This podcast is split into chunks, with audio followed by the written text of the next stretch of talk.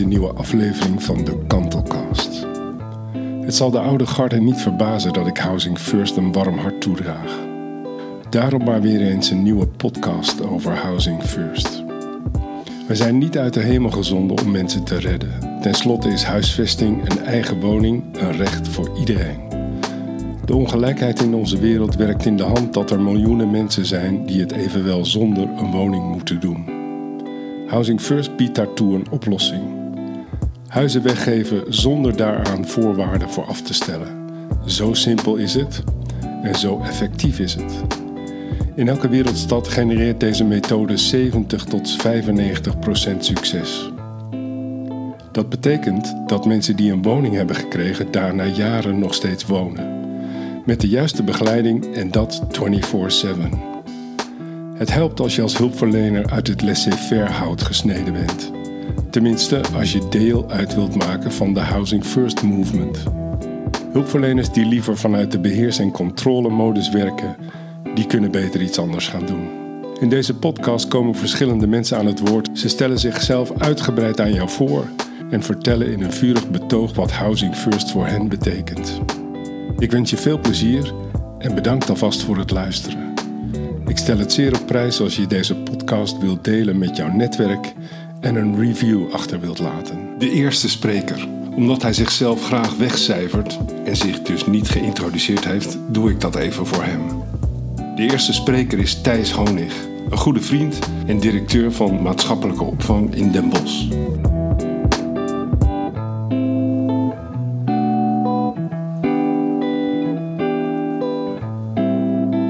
Dakloos zijn is pure armoede. Een uitzichtloos moeras waar je op eigen kracht nooit meer uit kan komen. En hoe langer het duurt, des te moeilijker het is om eruit te komen. Wat langzaam groeit, wordt tot diep, zijn mijn open altijd. Dakloos zijn is een verschrikkelijk leven. Elke dag ben je bezig met overleven en het is onzeker of het je lukt eten te vinden of een slaapplek. Om de ellende te vergeten, ga je eerder aan de alcohol, aan de middelen, dan dat je er vanaf gaat. Want waarom zou je stoppen? Zo krijgen mensen alleen maar een opstapeling van problemen. Mensen worden afhankelijker van andere mensen en misschien nog wel van middelen en je verliest je gevoel van eigenwaarde. Op dakloos zijn ligt een enorm stigma. Er zijn maar weinig mensen die er sympathie mee hebben. Eigen schuld, dikke bult. Niemand kiest er bewust voor om dakloos te zijn. Het overkomt je misschien wel door de verkeerde keuzes die je hebt gemaakt. Het kan nooit een bewuste keuze zijn. Vraag bijvoorbeeld aan een kind wat hij later wil worden. Dakloos worden zal niet op het lijstje staan. Daklozen zijn ook geen, zijn ook geen gelijken. Ze zitten in een gelijke situatie, deze mensen. Hun behoefte is wel gelijk. Mensen die dakloos zijn, verlangen naar rust en stabiliteit. Een opvang is dan ook geen thuis. Geen eigen plek. Hoe kun je werken aan herstel als je geen plek hebt om dat te herstellen? Als die basis er is, de zekerheid van een dak boven je hoofd, regelmatig inkomen, eten op de plank, dan kunnen we daarna aan de slag met de rest van het leven, die al voldoende uitdaging heeft voor ons. Toen ik de opleiding tot verpleegkundig specialist deed, had ik een werkervaringsplek bij de case management, een soort voorloper van het ACT-team. Die teams waren ingedeeld per ziektebeeld en ik werkte toen bij psychotische stoornissen. We hadden ook kleinschalige beschermd woonvormplekken, waar mensen allemaal bij elkaar zaten met een psychotische stoornis. Ik vond dat toen eigenlijk al heel vreemd. Omdat ik zei, ja, die mensen hebben ja, wel een bepaalde beleving hetzelfde, maar niet een gemeenschappelijke delen waarom deze mensen bij elkaar willen wonen.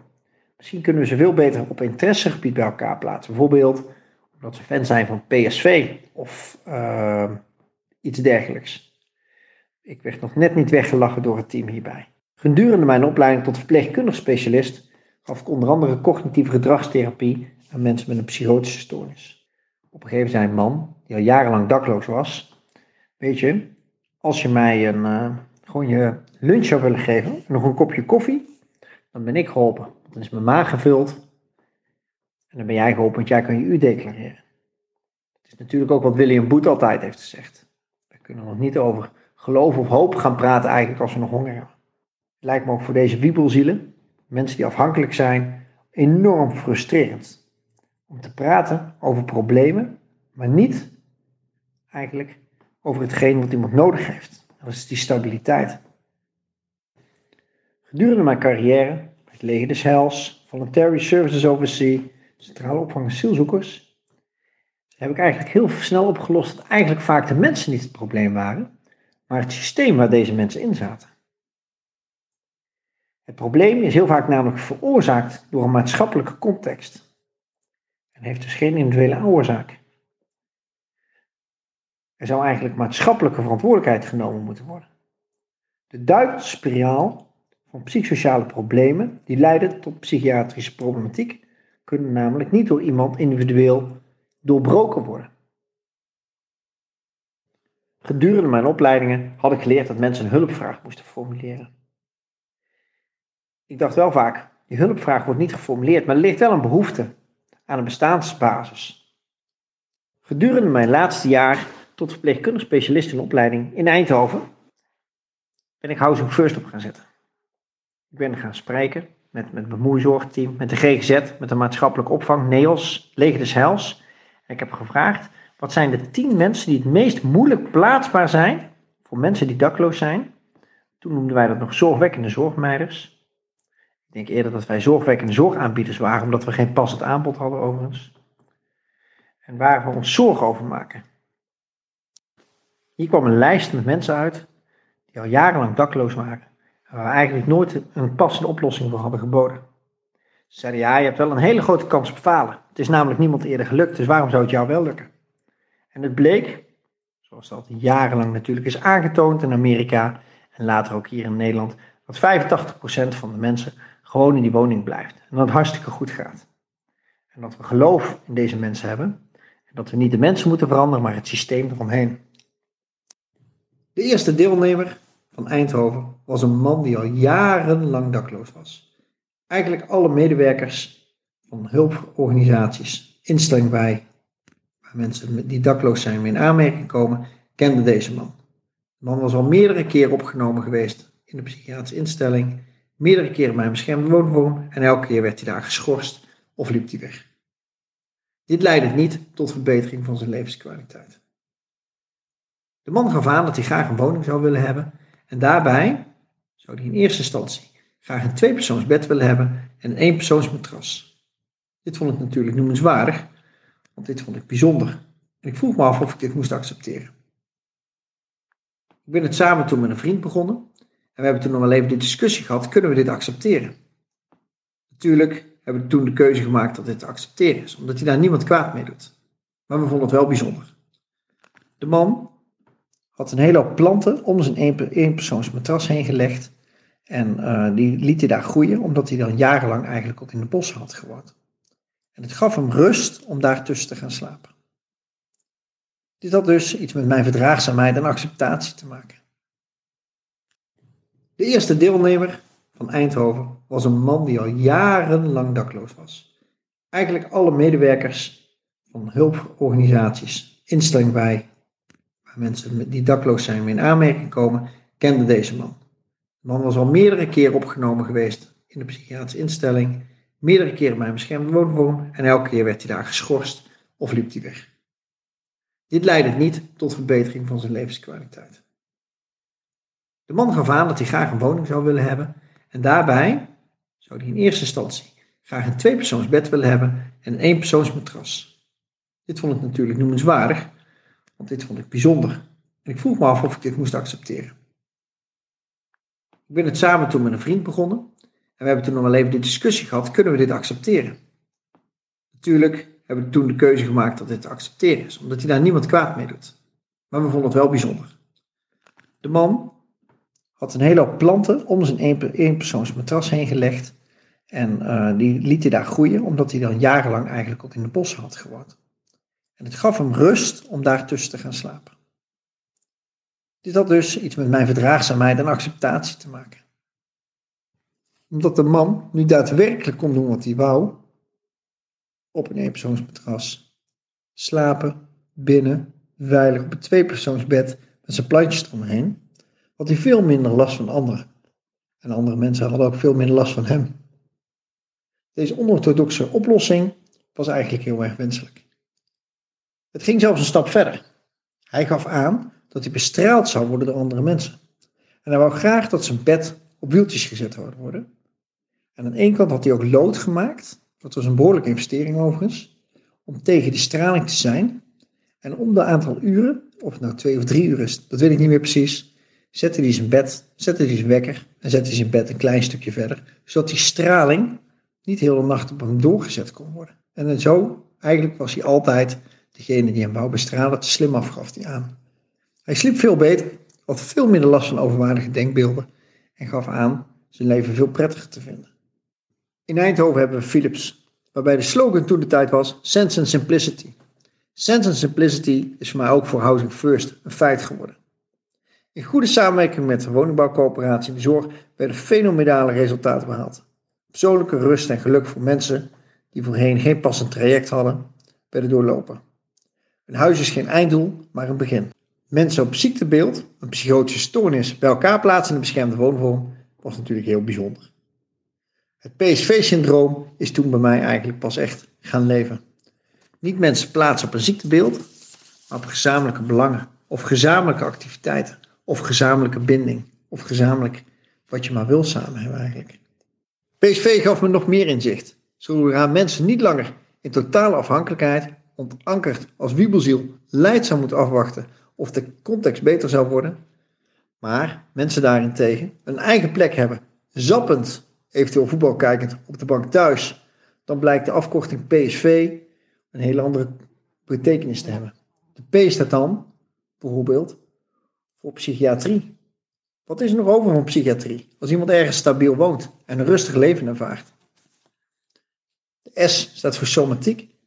Veel mensen die jarenlang dakloos zijn geweest, hebben somatische problemen. Somatische problemen met enorm veel psychosociale problematiek. Mensen voelen zich daar absoluut niet prettig bij. De V van verslaving.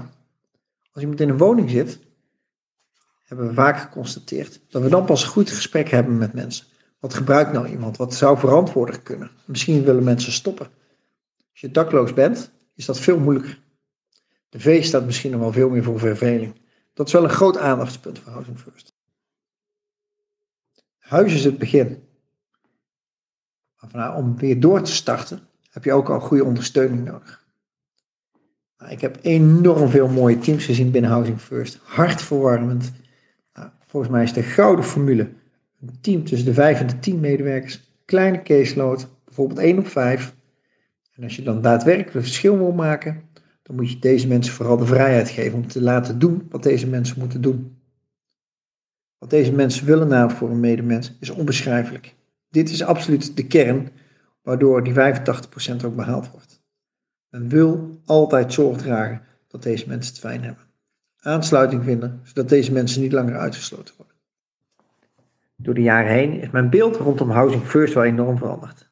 In eerste instantie bood het een oplossing voor zogenaamde moeilijk plaatsbaren, omdat het zorgsysteem geen passende zorg en geen passende hulpverlening bood.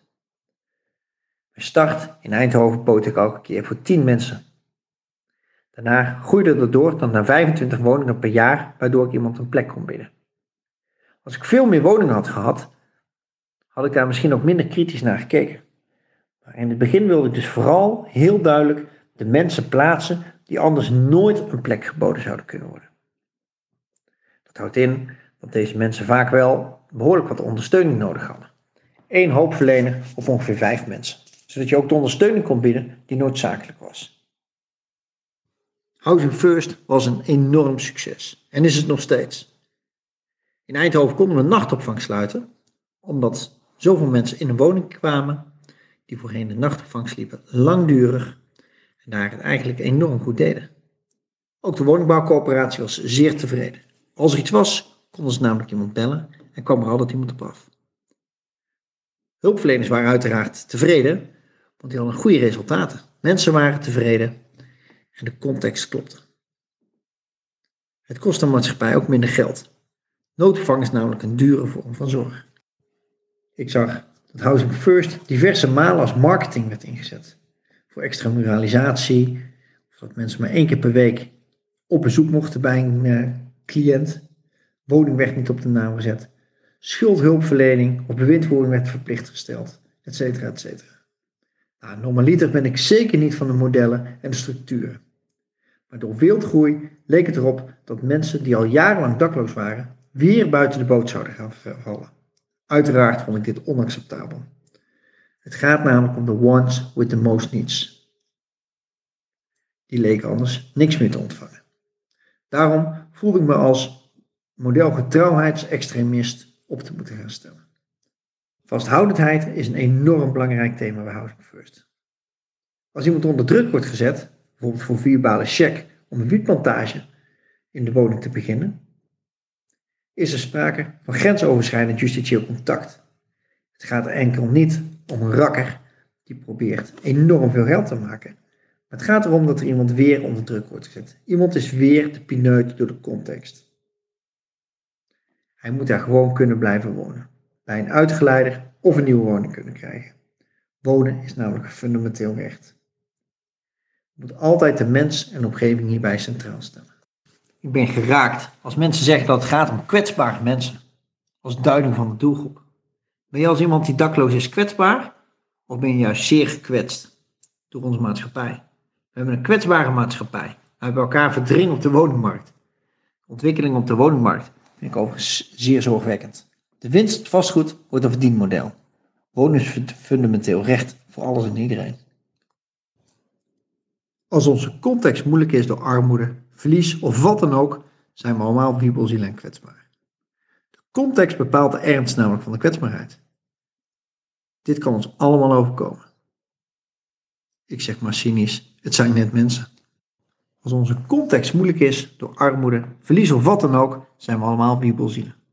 De context bepaalt namelijk de ernst van de kwetsbaarheid en niet andersom. Dit kan ons namelijk allemaal overkomen. En cynisch zeg ik, het zijn net mensen. Als we naar Maslow kijken, hebben we allemaal veiligheid als basisbehoefte nodig. Contact, etc. etc.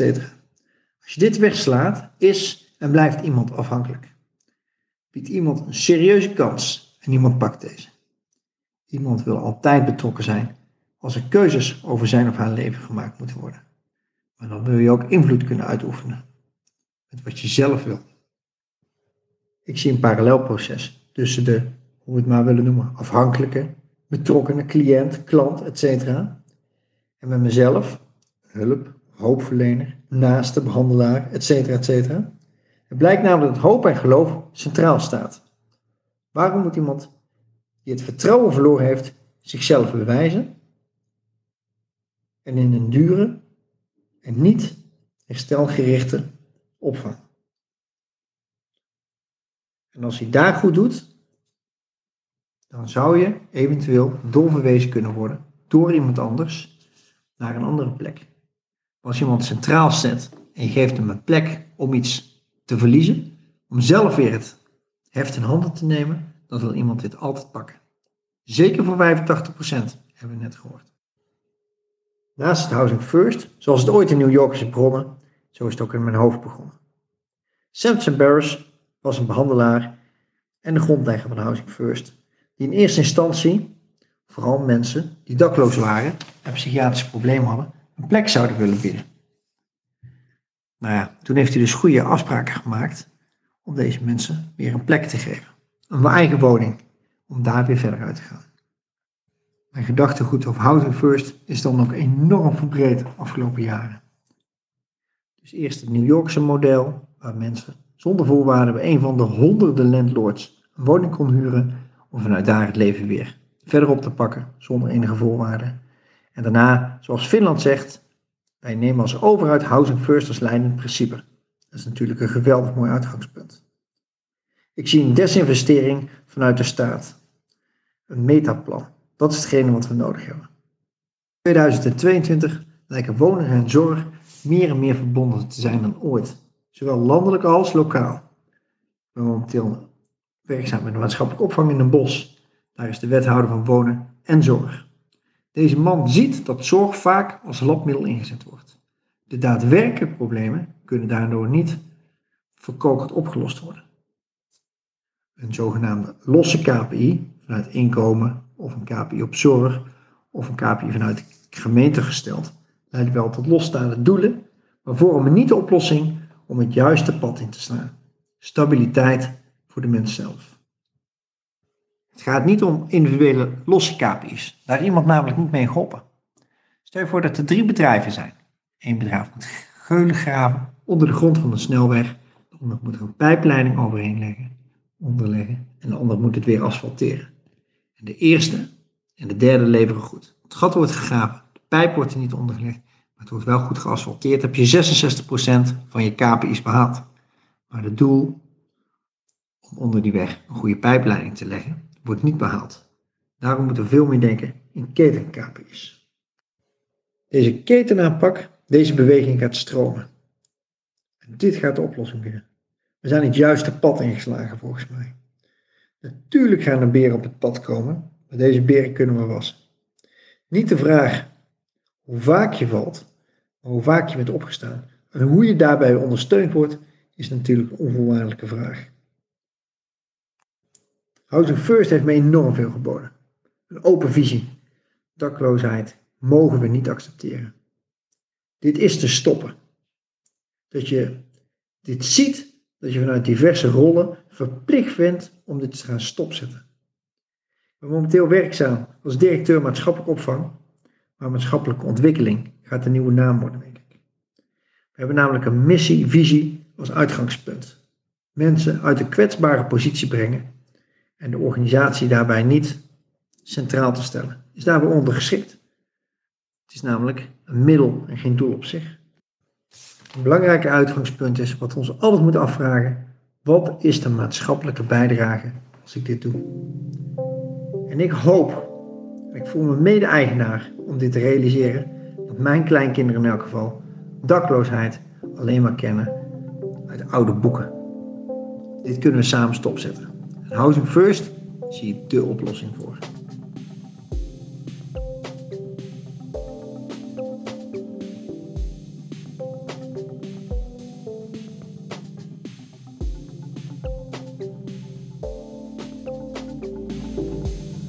Roken stelde mijn laatste vraag. Wil jij voor mijn podcast vertellen wat Housing First voor jou betekent?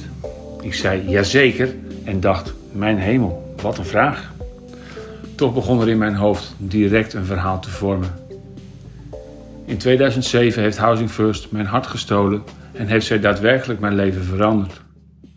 Housing First is een gedachtegoed, een samenvoeging van denkbeelden waar ik mij vanaf het eerste moment mee identificeerde. Ik weet nog toen ik de vacature las en dacht: oh wauw, zo sta ik in het leven. Daar wil ik werken.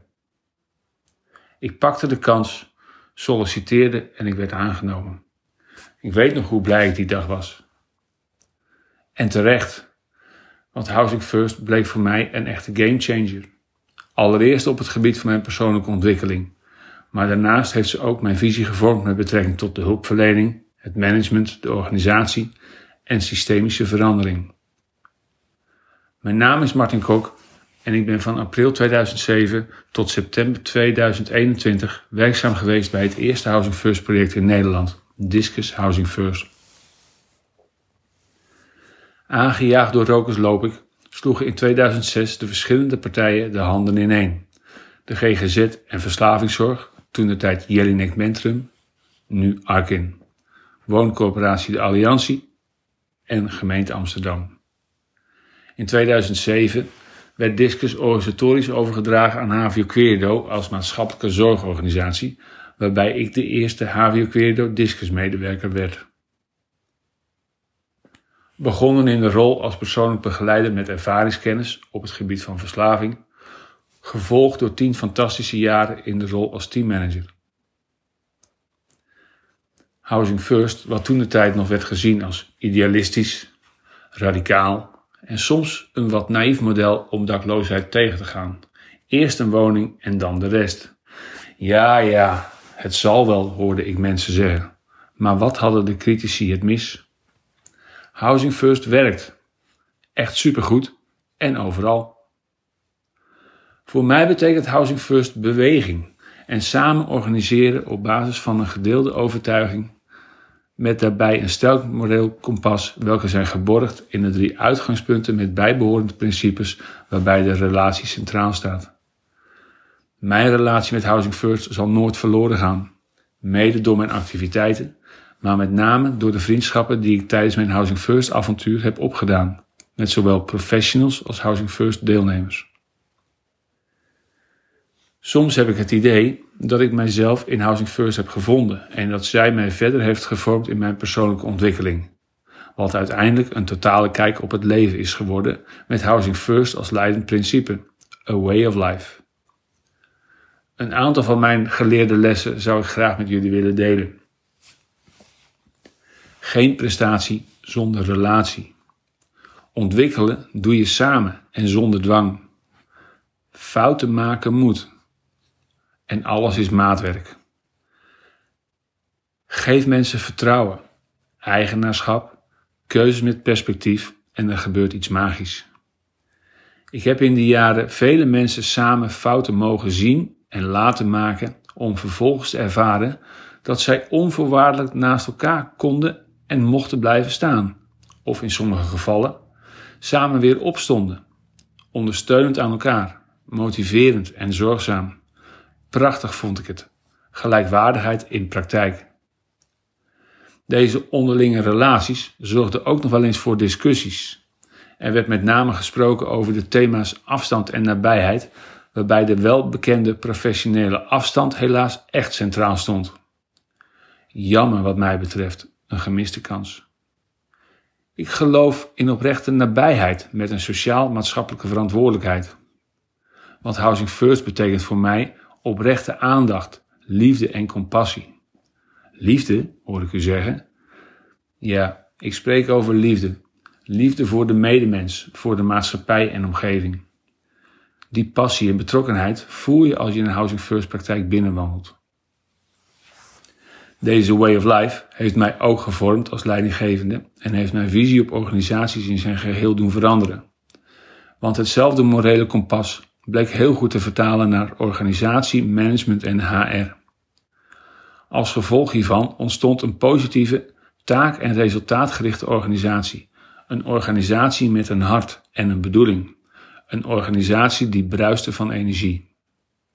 Uiteindelijk ben ik dit als de levende organisatie gaan benoemen, waarbij de principes en structuren van controle en beheersing werden vervangen door ruimte, vertrouwen, warmte en begrip in combinatie met eigenaarschap en zakelijkheid. In dit veranderproces moest ook de onnodige bureaucratie het ontzien. Het werd geschrapt, want we realiseerden ons dat maatwerk niet floreert in een hiërarchische en procedurele omgeving. Wat vervolgens gebeurde was in mijn optiek magisch. Mensen stopten hun baan werk te noemen. Het verzuim was zo goed als verdwenen. Constante hoge klant- en medewerkerstevredenheid, hoge mate van veiligheid, etc. En het allermooiste, iedereen was mede verantwoordelijk voor de resultaten waarbij de successen gezamenlijk werden gevierd. Ik vind Housing First een voorbeeld over hoe het anders kan. My way of life. Bedankt voor het luisteren.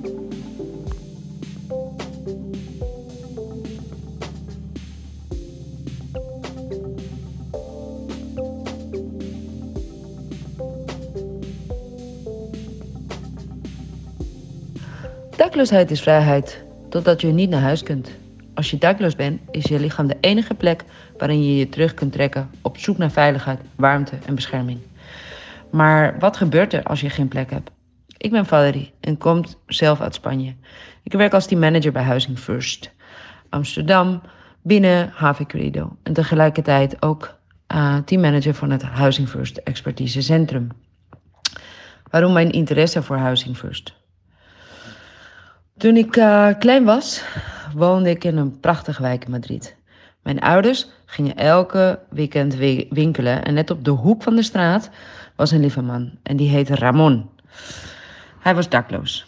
Ik ging altijd met hem praten. Ik was zo nieuwsgierig naar zijn leven. Ik ging regelmatig naar hem toe om eten en dekens te brengen. En ik heb zelfs gevraagd om bij ons te komen wonen. Hij glimlachte en zei dat hij mijn aanbod echt op prijs stelde, maar dat hij maar één ding wilde: een huis. Ergens waar hij veilig kon zijn en zich goed kon voelen. Op dat moment vroeg ik me af: maar waarom? Waarom heeft Ramon geen huis zoals ik? Wat is met zijn leven gebeurd? Ik was heel verdrietig elke keer over Ramon uh, ging denken. Zeker als het ging regenen kon ik bijna niet slapen. Mijn nieuwsgierigheid groeide en groeide. En na een aantal jaren begon ik bij het eerste huizingverspreekt in Nederland. Wat een fantastisch project. Ik werd helemaal verliefd op methodiek. Housing First is het begin van een nieuw leven. Het huisvesting als eerste plaats is voor mij het begin van een leven met waardigheid en gelijkwaardigheid. Housing First is een style of life, omdat de houding en waarden die nodig zijn om je werk te kunnen doen, moet je kunnen ademen. En wat is dat? Nou, dat is voor mij liefde, lef, flexibiliteit, gelijkwaardigheid, creativiteit, kijken, luisteren, verwonderd en vooral leer van een ander. Iedereen heeft iets te bieden. Het succes van Housing First is een combinatie van visie, pioniersgeest, dienend werkgeverschap, gemotiveerde medewerkers en voortdurende bewaking en doorontwikkeling van de methodiek. Dat doe ik van het Housing First Expertise Centrum binnen Havenwereld met veel trots.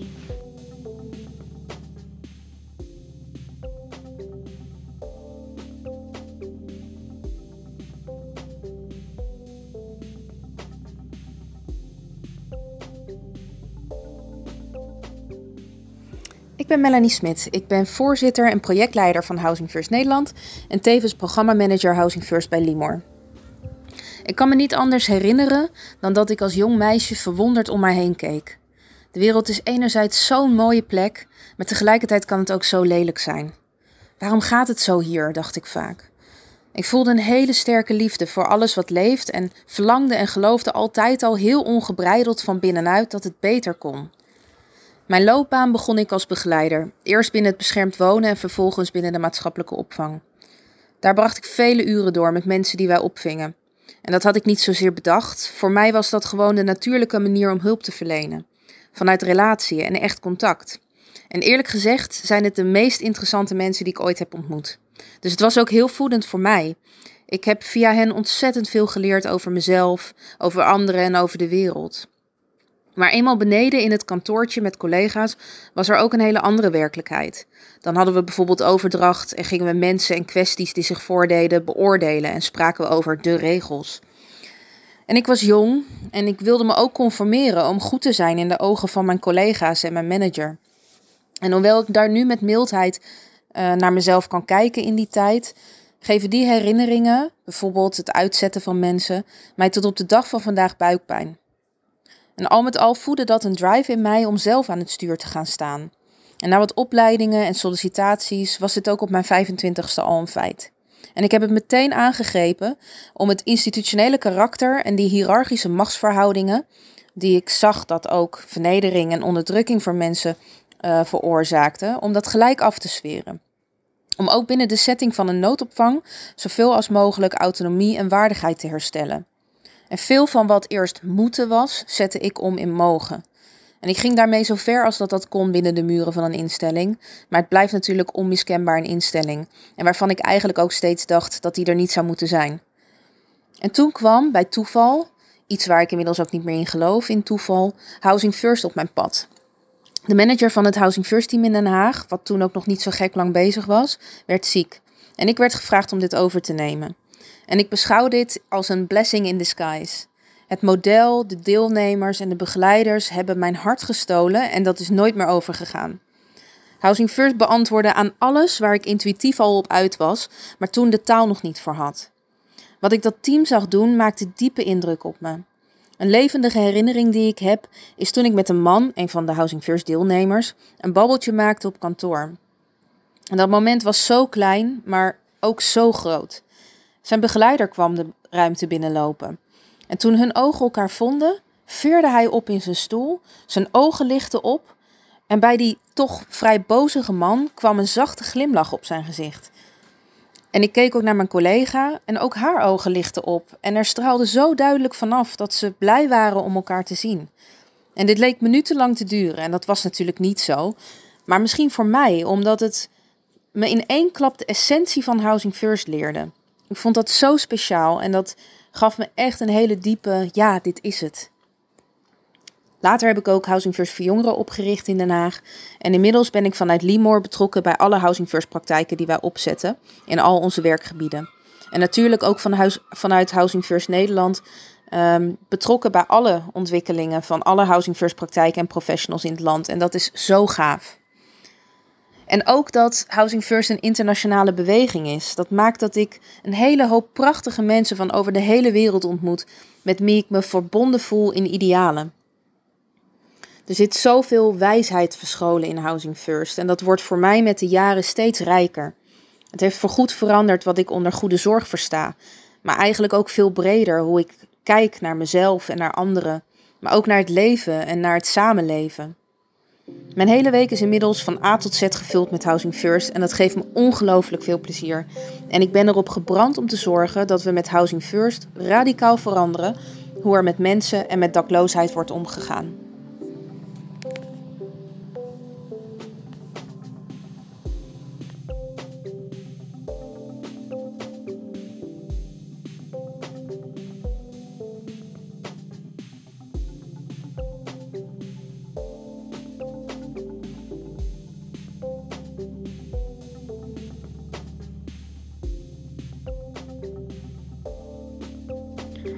Mijn naam is Hedy Blokker. Ik ben teammanager van Loket Housing in Zuid-Limburg. De afgelopen jaren ben ik bezig geweest met het doorontwikkelen van Loket Housing. Door Rokus ben ik gevraagd in bijdrage te leveren aan zijn podcast Housing First. En natuurlijk, als Rokus dat vraagt, voelt het enorm, als een enorme eer. Ik neem jullie even mee naar het Zuid-Limburgse land. Loket Housing is een samenwerkingsloket tussen gemeente, woningcoöperatie en zorginstellingen. We bemiddelen en ondersteunen kwetsbare burgers van zelfstandig wonen als tussenschakel in het sociaal domein. Housing First is daar een onderdeel van. Housing First is wat mij betreft de manier om kwetsbare burgers uit de opvang te houden, maar ook om een brug te slaan tussen mensen die tussen wal en schip vallen. Afgelopen periode ben ik alleen nog maar meer in dit product gaan geloven. En dit, ik denk dat dit namelijk de oplossing is die we zo hard met elkaar nodig hebben. Helaas, helaas uh, is het ons nog niet gelukt om alle gemeenten in Nederland mee te nemen in Housing First. Ik hoop natuurlijk met de huidige subsidiemogelijkheden die het overheid en die het Rijk ter beschikking stelt, dat we het voor elkaar krijgen om Housing First uit te rollen over heel Nederland. Sinds een aantal maanden ben ik ook gestart om Housing First jongeren in Zuid-Limburg onder de aandacht te brengen. Mijn droom zou zijn om voor alle dakloze jongeren in Zuid-Limburg via dit model te huisvesten en een kans te bieden op een nieuwe toekomst. En ik heb, niet, en ik heb besloten om niet op te geven voordat deze doelstelling is gerealiseerd. Gelukkig heb ik veel medestanders vanuit de gemeente, zorginstellingen en coöperatie die mij ondersteunen om mijn droom te verwezenlijken. En niet alleen mijn droom, maar ook de droom van vele dakloze jongeren op een mooiere toekomst. Een paar maanden geleden kwam ik voor het eerst in contact met Rokus. Ik zag hem voorbij komen op een filmpje via Housing First Nederlandsdag in Utrecht. Wat een inspirerende man, vond ik. Een paar maanden later trof ik hem live bij een jubileum van een collega. En wederom werd ik geïnspireerd, met, zoals vele anderen met mij in die zaal.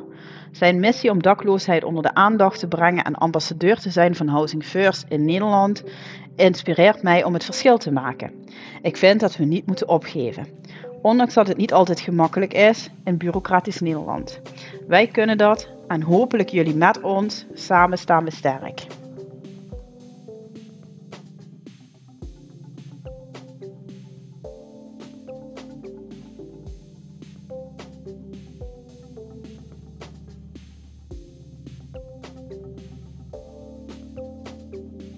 Mijn naam is Anke Jansen. Ik ben ZZP'er vanuit Bureau Zin en heb de afgelopen tien jaar van mijn werkzame leven besteed aan Housing First.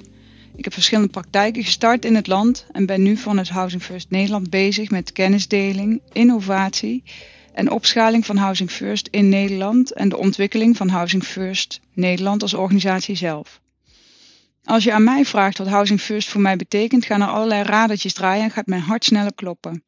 Housing First heeft mij inzichten en ervaringen gegeven in mijn leven waar ik enorm dankbaar voor ben, die mij als mens hebben gevormd. De mensen met wie we werken zijn net als ieder ander bijzonder en prachtig. Daar kan in je persoonlijke ontwikkeling geen zelfhulpboek tegenop. Dat is één kant van de medaille. De andere kant van de medaille is dat ik enorm gedreven word door een behoefte aan rechtvaardigheid, verbinding en een betere wereld.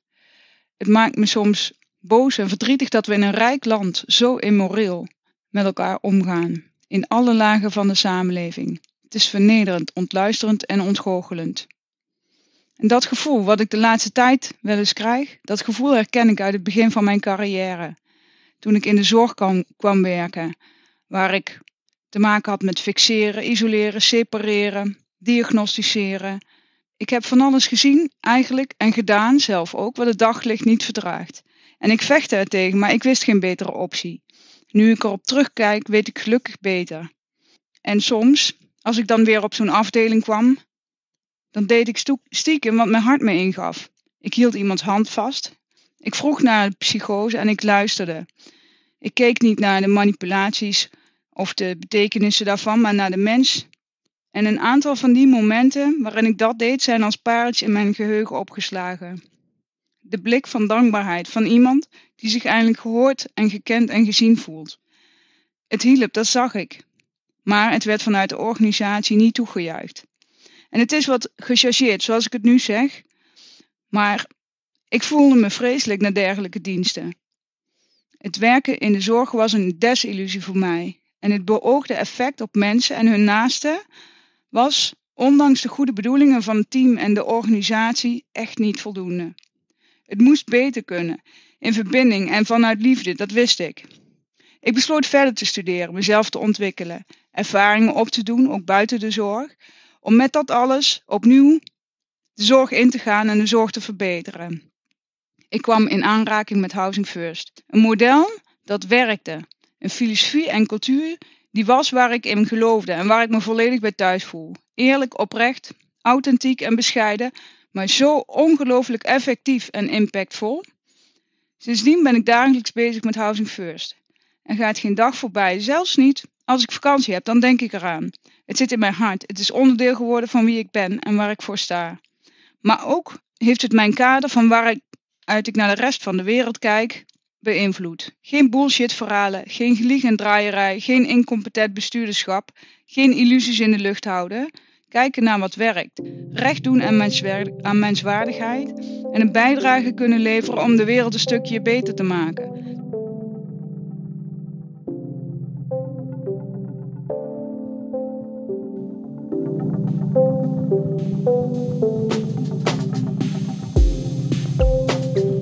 Bedankt voor het luisteren naar deze aflevering van de Kantelcast. Allemaal bijzondere getuigenissen van Housing First fans van het derde uur. Je kunt er nooit te vroeg mee starten met het weggeven van huizen aan mensen die dakloos zijn. Het is een mensenrecht en een wens van bijna iedereen. Net als een basisinkomen voor alle mensen op de wereld. Het zou veel van het stigma, de ongelijkheid en de problemen waar de wereld mee kampt wegnemen. Weggeven wat te veel is aan wie te weinig heeft om rond te komen. Ik stel het op prijs als je deze podcast wilt delen met jouw netwerk en een review achter wilt laten. Mijn andere podcast, De Psychiater Doorgezaagd, staat sinds deze week op de website van Medicast. Quote. Medicast is een gratis podcast-app speciaal voor medische podcasts. We zorgen voor een breed aanbod van interessante medische podcasts voor onze 55.000 big geregistreerde leden. Unquote. Daar zijn Annemarie van Dam en ik natuurlijk heel blij mee. Die rustige tune die je tussen de voordrachten hoort is van de hand van mijn oudste zoon, DJ Pella PH, clubboeker bij patronaat, eigenaar van een professionele opname- en masteringstudio en platenlabel. Rest mij jullie veel regen te wensen en nogmaals te bedanken voor het luisteren naar deze aflevering van de Kantelkast. Dank aan Hedy Blokker, Thijs Honig, Valerie Bogaert, Anke Jansen, Martin Kok en Melanie Schmidt. Jullie zijn helden. Keep up the good work en hey, hey, let's be careful out there. Graag tot de volgende aflevering van de Kantocast, afkomstig uit Kampala, Uganda.